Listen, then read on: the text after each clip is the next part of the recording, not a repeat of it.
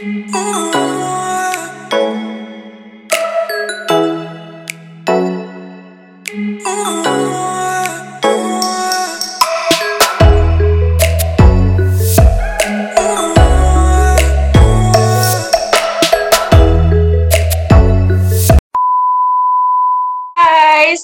pagi, selamat siang, selamat sore, selamat malam, dan selamat datang di podcast kami. Assalamualaikum warahmatullahi wabarakatuh. Shalom, Om Swastiastu, Namo Buddhayana, dan salam multikultur buat kita semua yang ada di sini.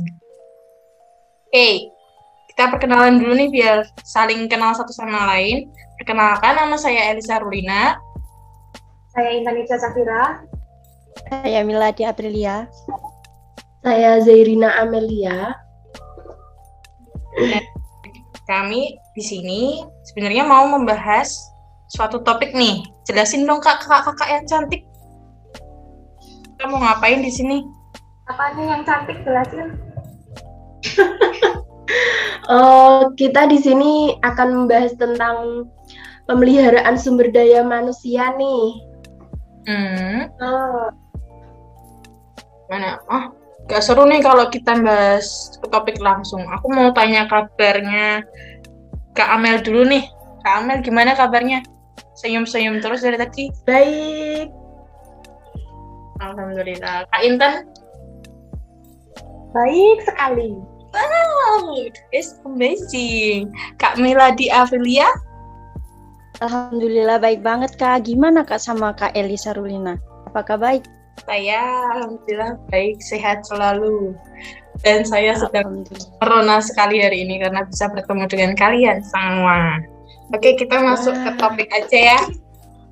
Oke, silakan Kak Amel. oh iya untuk Mbak Intan nih. Menurut pandangan Mbak Intan, pengertian pemeliharaan sumber daya manusia itu apa sih? Menurut saya ya kak, menurut saya itu kalau pemeliharaan SDM itu sendiri sih eh, kegiatan meningkatkan baik itu dari fisik atau mental karyawannya. Jadi biar karyawan tersebut itu loyal kepada perusahaan itu sendiri sih. Itu Dan tidak ada aja. gangguan pastinya. Tidak ada gangguan dalam bekerjanya. Nah, dari pengertian yang tadi dijelasin oleh saya, itu ada tujuan atau arah dari pemeliharaan itu SDM sendiri kan. Nah, yang pertama itu meningkatkan produktivitas dan kerja karyawan. Nah, di sini karena mungkin perusahaan meningkatkan atau memperbaiki dari segi pemeliharaan pada karyawan seperti disediakan fasilitas, adanya keamanan dan lain-lain itu pasti akan meningkatkan produktivitas atau akan meningkatkan kinerja mereka karena mereka semangat dan pastinya merasa aman di perusahaan tersebut. Bisa dilanjutin Mbak Amel? Oh, kalau menurut saya itu juga bisa memberikan ketenangan dan kesehatan bagi seluruh karyawan dan mengurangi konflik dan menciptakan suasana yang harmonis seperti di perusahaan itu harus suasananya itu harus harmonis gitu, nggak boleh ada yang bertengkar gitu. Nah, yang keenam itu meningkatkan loyalitas. Mbak Elisa bisa dijelaskan tentang itu? Loyalitas itu apa maksudnya Mbak Amel? Jelaskan tentang Nah, Loyal itu eh, gimana ya? Gini-gini, loyal tuh antara atasan dan bawahannya tuh kita saling berhubungan. Biar terjadinya kayak sama-sama bekerja sama dengan baik, paham? Paham. Paham. Terima kasih Mbak Elisa. Mungkin dengan loyalitas itu sendiri, mungkin karyawan lebih setia ke perusahaan tersebut. Ya, mungkin. benar banget. Terus peningkatan kesetiaan dan menurunkan pergantian karyawan. Peningkatan kesetiaan di sini dimaksud biar gimana ya karyawan itu diusahakan betah di perusahaan tersebut. Kita sebagai atasan memberikan fasilitas yang memadai buat karyawan tersebut. Jadi karyawannya tidak bakal berpaling ke perusahaan lain. Dan untuk menurunkan pergantian karyawan itu apabila suatu karyawan mengalami penurunan dalam kinerja, mungkin atasan akan menindaklanjuti seperti mengeluarkan karyawan tersebut. Itu teman-teman. Eh, mungkin ada lagi yang mau ditambahin. Yang kedua itu ada peningkatan disiplin dan menurunkan karyawan juga kali ya. Disiplin itu kan memang penting dalam kerja. Biar karyawan itu juga nggak semena-mena dengan aturan yang ada di perusahaan. Jadi misal kalau ada peraturan kita hari ini pakai seragam ini, misalkan pakai batik, ya kita semuanya harus mengikuti peraturan itu. Jangan ada yang pakai seragam bebas lah atau semena-mena dia. Jadi kan atasan pun juga akan segan ke kita. Nah, seperti itu. Kalau pakai kebaya boleh nggak? Ya, kalau misalkan hari itu pakai kebaya disuruh ya kita pakai kebaya. Hari Kartini misal. Kecuali baju pengantin tidak boleh. Wah, itu nggak boleh banget, Kak. Kan kita nggak mau nikah di kerjaan kan. Nggak berani ya aku. Oke, di sini kan ada fungsi pemberdayaan juga kan dalam suatu perusahaan. Biar karyawan sama atasan itu juga bisa saling melengkapi. Bisa dijelaskan Kak Amel? Mungkin itu setiap karyawan itu harus meningkatkan semangat dan kegairahan kerja. Yang kedua itu meningkatkan loyalitas SDM. Seperti bekerja itu kan harus semangat gitu, harus punya bekerja gitu harus semangat kalau bekerja gitu aja oh iya biar kita nggak sepaneng ya kak ya kita harus ya punya gairah gitu loh uh, contohnya sekarang ya jangan sepaneng. Mm -hmm. nah. ini kan nggak ngerjain tugas kan nggak sepaneng sepaneng kan ya? Kita harus have fun. Terus ada meningkatkan rasa aman bangga dan ketenangan dalam melakukan pekerjaannya. Jadi rasa aman itu gimana ya? Ditingkatkan agar karyawan merasa aman mungkin ya dengan kayak adanya security CCTV ya security itu. Security CCTV. Dan mereka merasa dirinya itu dijaga oleh perusahaan tersebut dalam melakukan pekerjaannya Oke, okay, kita next ke bagian metode. Kak Miladi dari tadi diem aja.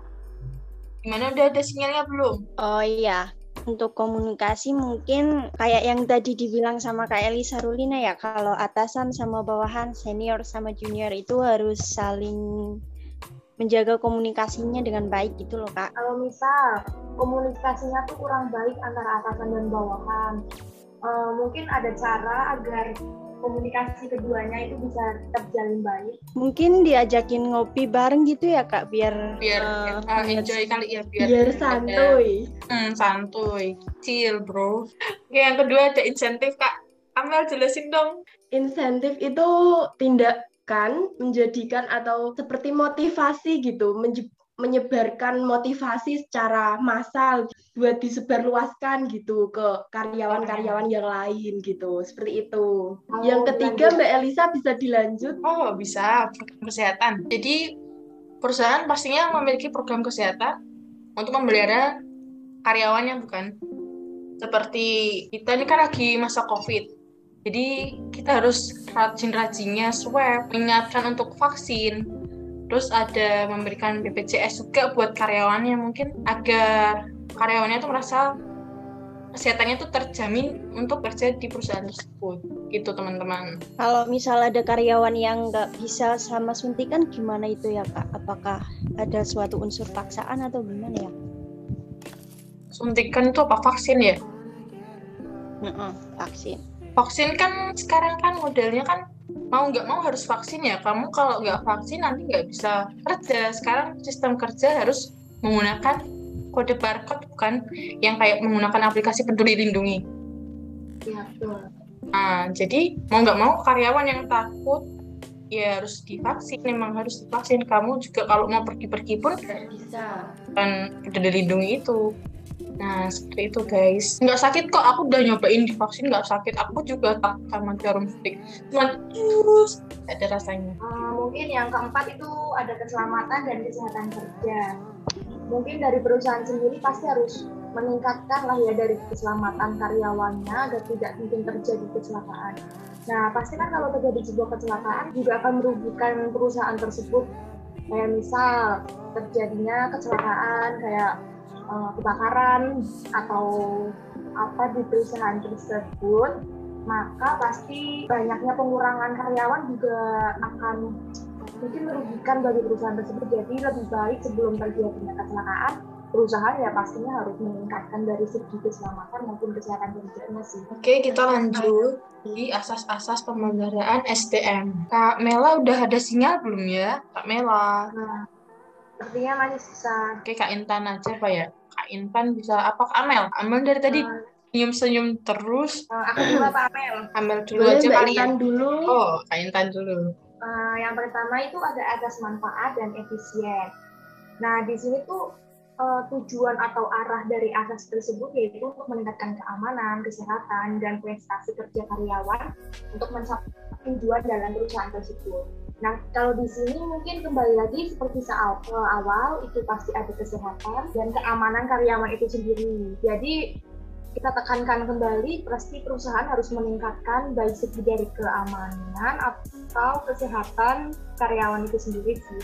Jadi kalau misal dari perusahaan itu sendiri tidak meningkatkan hal tersebut, pasti dari baik dari karyawan atau keluarganya merasa bahwa perusahaan kurang peduli untuk karyawannya. Mela, mungkin mau dilanjutin nomor dua. Asas yang kedua adalah asas kebutuhan dan kepuasan. Di sini yang dimaksud asas kebutuhan dan kepuasan yaitu eh, perusahaan memenuhi kebutuhan dan kepuasan karyawan. Jadi misal kayak ada kalau mungkin kebutuhan fasilitas gitu ya. Kayak mesin fotokopi kali kan tiap perusahaan kan membutuhkan butuhin kopi buat fotokopi dokumen-dokumen. Hmm, bisa dilanjutin mungkin. Untuk yang ketiga ini tuh hmm. mungkin tentang upah dan gaji ya. Kompensasi yang diterima para karyawan itu jika karyawan merasa kompensasi atau gajinya itu cukup, maka karyawan itu akan melanjutkan pekerjaan di perusahaan itu.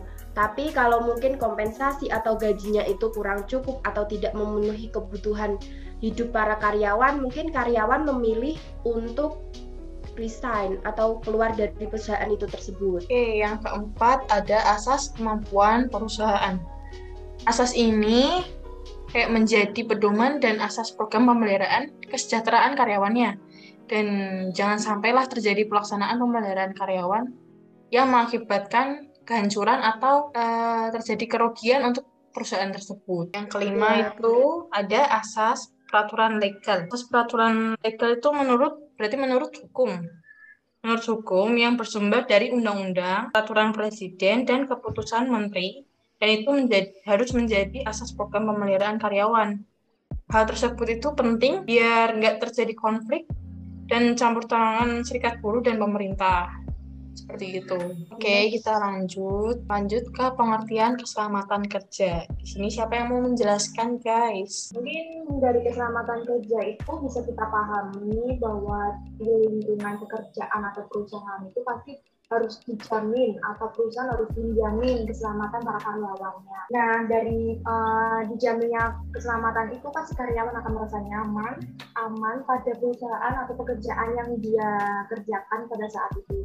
Nah, kalau misal keselamatan kerjanya minim atau tidak diperhatikan oleh perusahaan, itu juga pasti akan menjadi kepengaruh lah ya buat perusahaan itu sendiri. Karena kalau misal terjadinya seperti tadi kecelakaan atau mungkin risiko kecelakaan, ya itu pasti juga akan merugikan dari segi dan materi atau karyawan dalam perusahaan tersebut. Terima kasih Kak Intan atas penjelasannya kita next. Mungkin Kak Miladi udah ada? Iya, iya, halo. Oke, Kak Miladi bisa jelaskan syarat keselamatan kerja? Oke, di sini bahas syarat keselamatan kerja. Yang pertama ada memberikan pertolongan saat kecelakaan.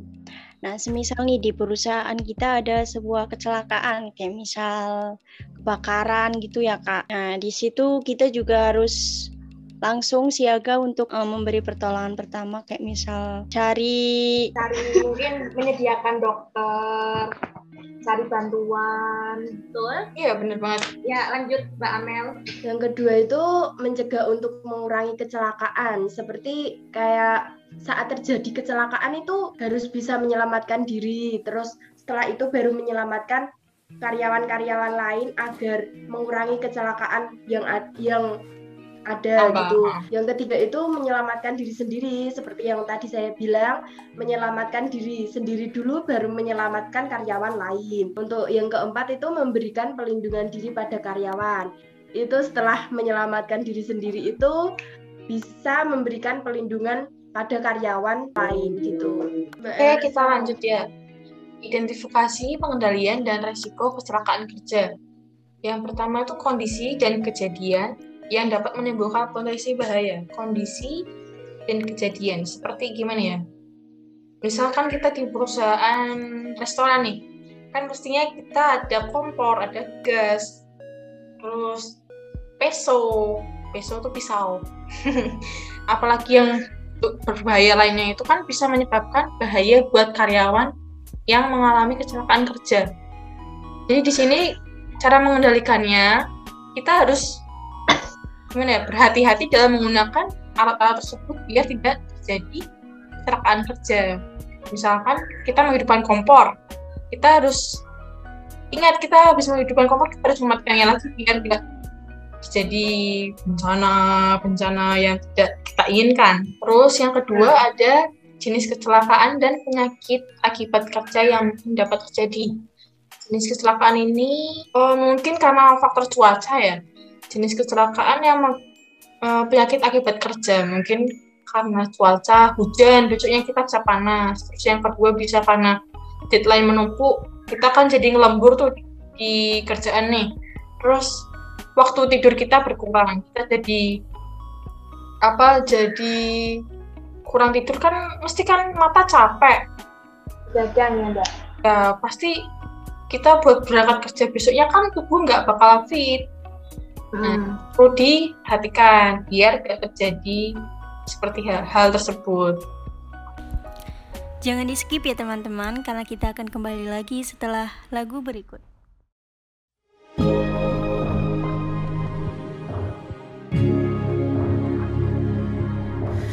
I can hold my breath. I can bite my I can stay awake for days if that's what you want. Be a number one. I can fake a smile. I can force a laugh. I can dance and play the part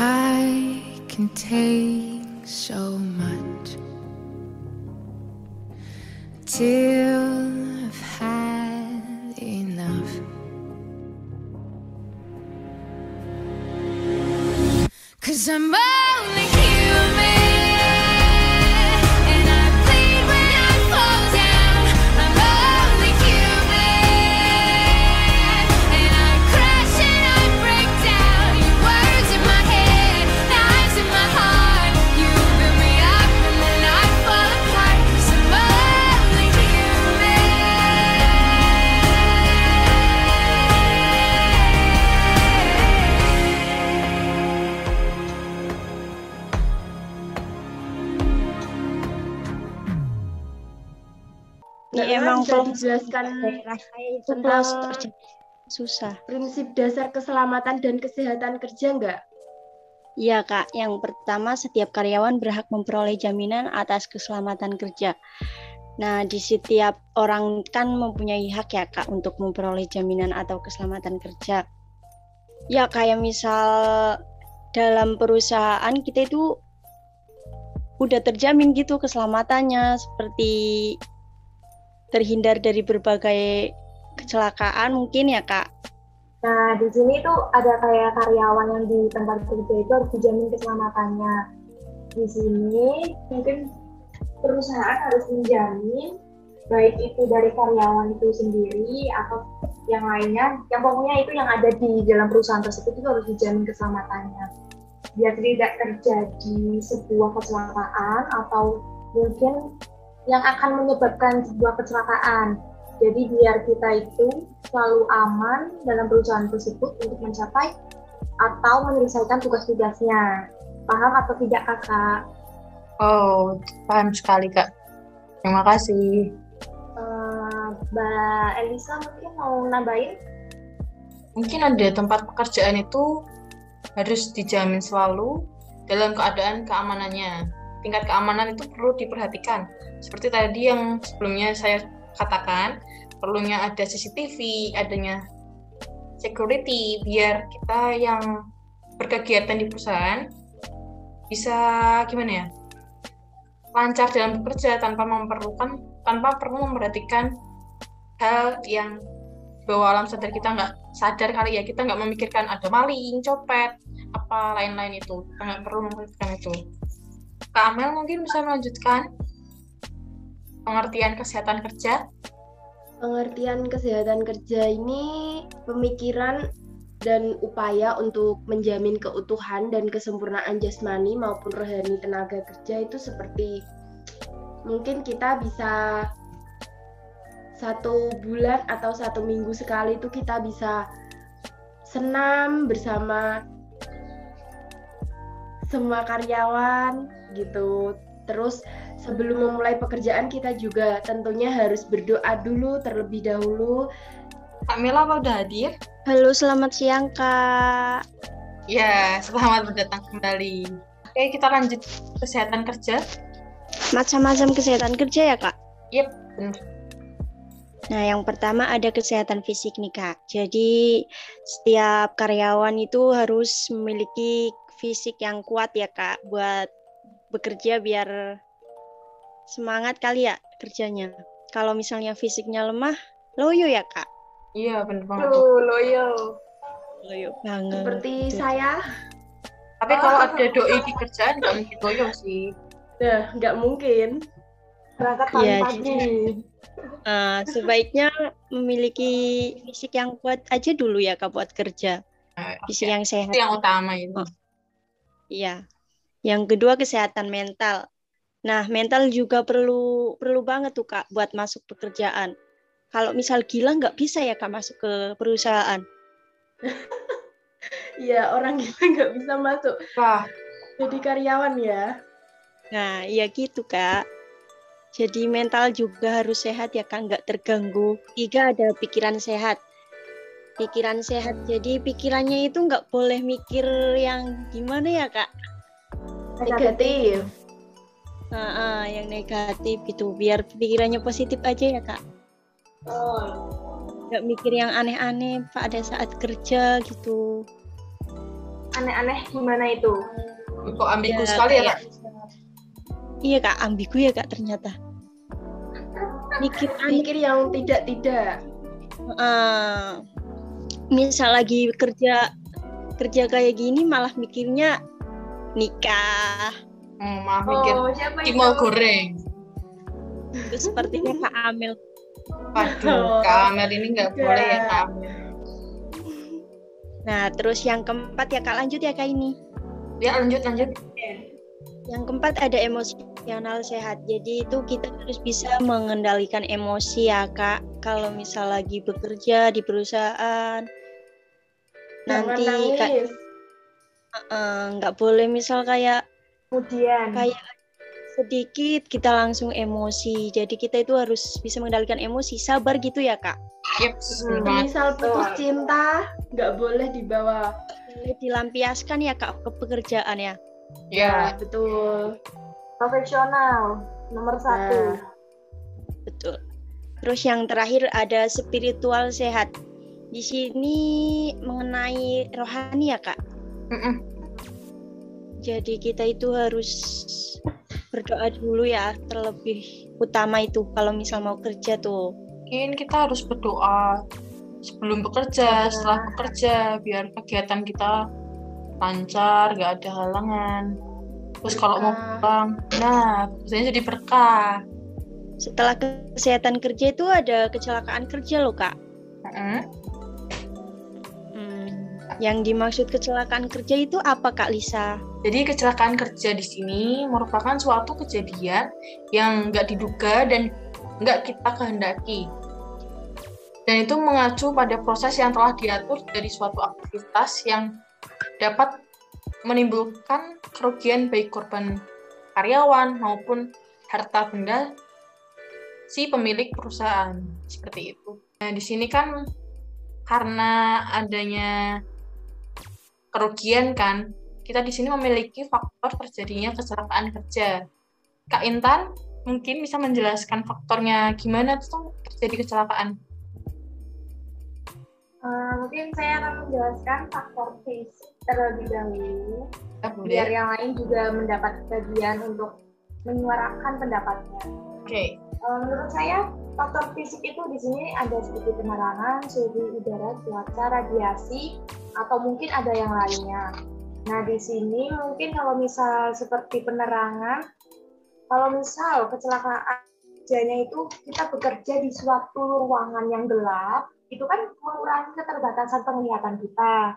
Mungkin itu bisa jadi faktor utama yang jatuh atau mungkin apa gitu yang berbahaya.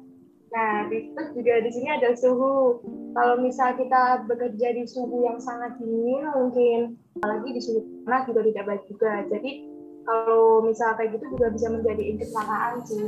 Untuk faktor kimia itu ada gas, uap, debu, asap. Nah, seperti kan kayak perusahaan-perusahaan kadang yang bisa mengeluarkan gas, uap, debu, debu kan Polusi, bisa polusi. jadi polusi gitu. Hmm.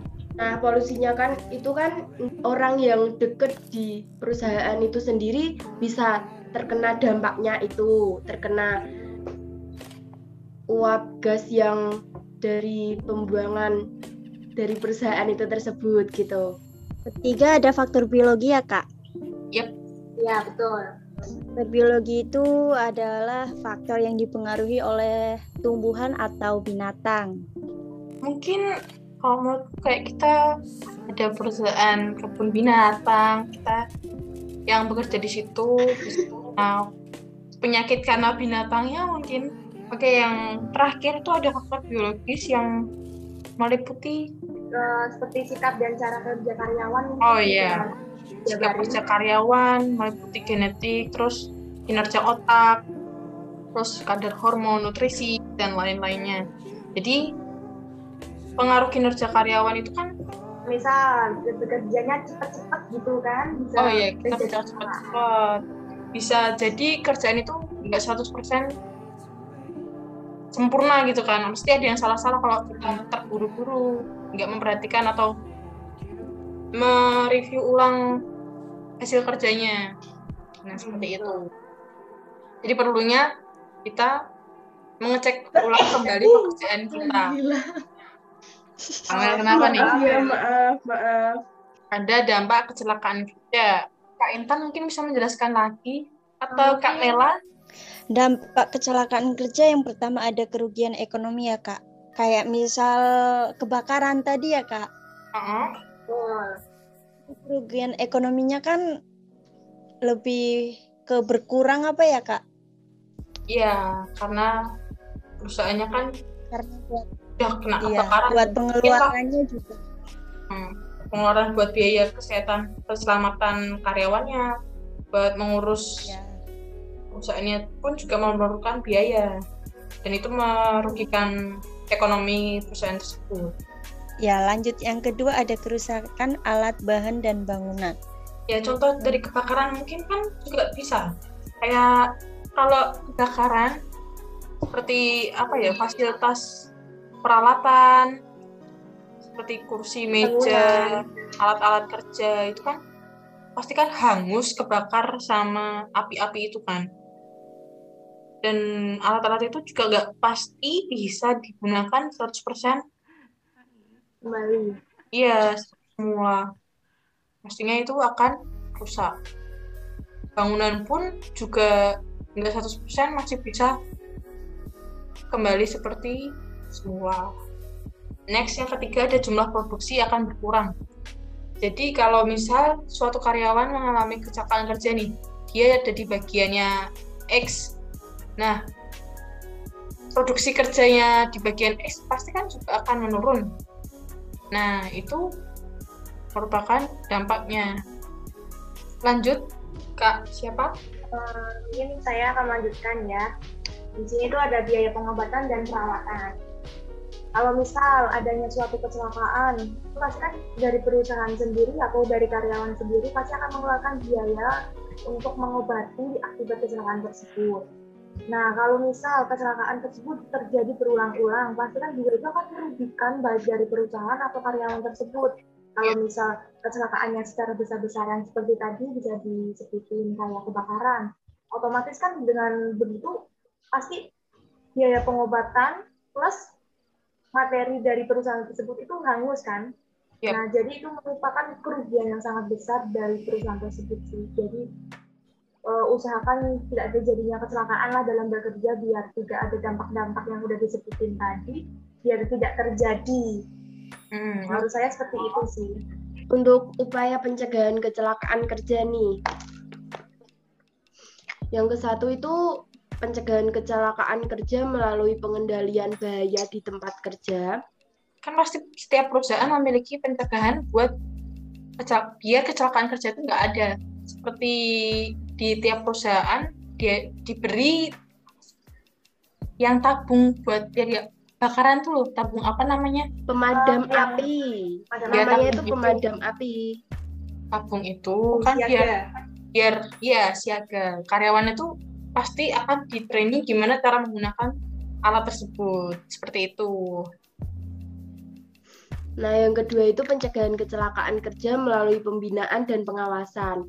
Kayak se- sebelum sebelum masuk iki perusahaan itu lebih baiknya itu ada yang membimbing dan memberi bimbingan tentang keselamatan kerja itu sendiri harus gimana gitu dan harus ada pengawasan dari perusahaan itu sendiri. yang ahli ya kak Nah, ya yang ketiga itu Upaya pencegahan kecelakaan kerja melalui sistem manajemen tuh kak. Yang pertama eh, perusahaan bisa membuat prosedur atau aturan ketiga di tempat kerja gitu ya kak. Kayak misal tidak boleh merokok gitu supaya terhindar dari kebakaran gitu. Asapnya juga berbahaya Kak. Ah, gitu. Nggak semuanya bisa terkena paparan asap rokok mau lanjut di hal-hal yang perlu kita perhatikan dalam penerapan K3 Eh, untuk yang pertama itu manajemen perusahaan memberikan prioritas rendah pada program K3 dalam program perusahaan. Dan Ya. Dalam memberikan pelayanan K3.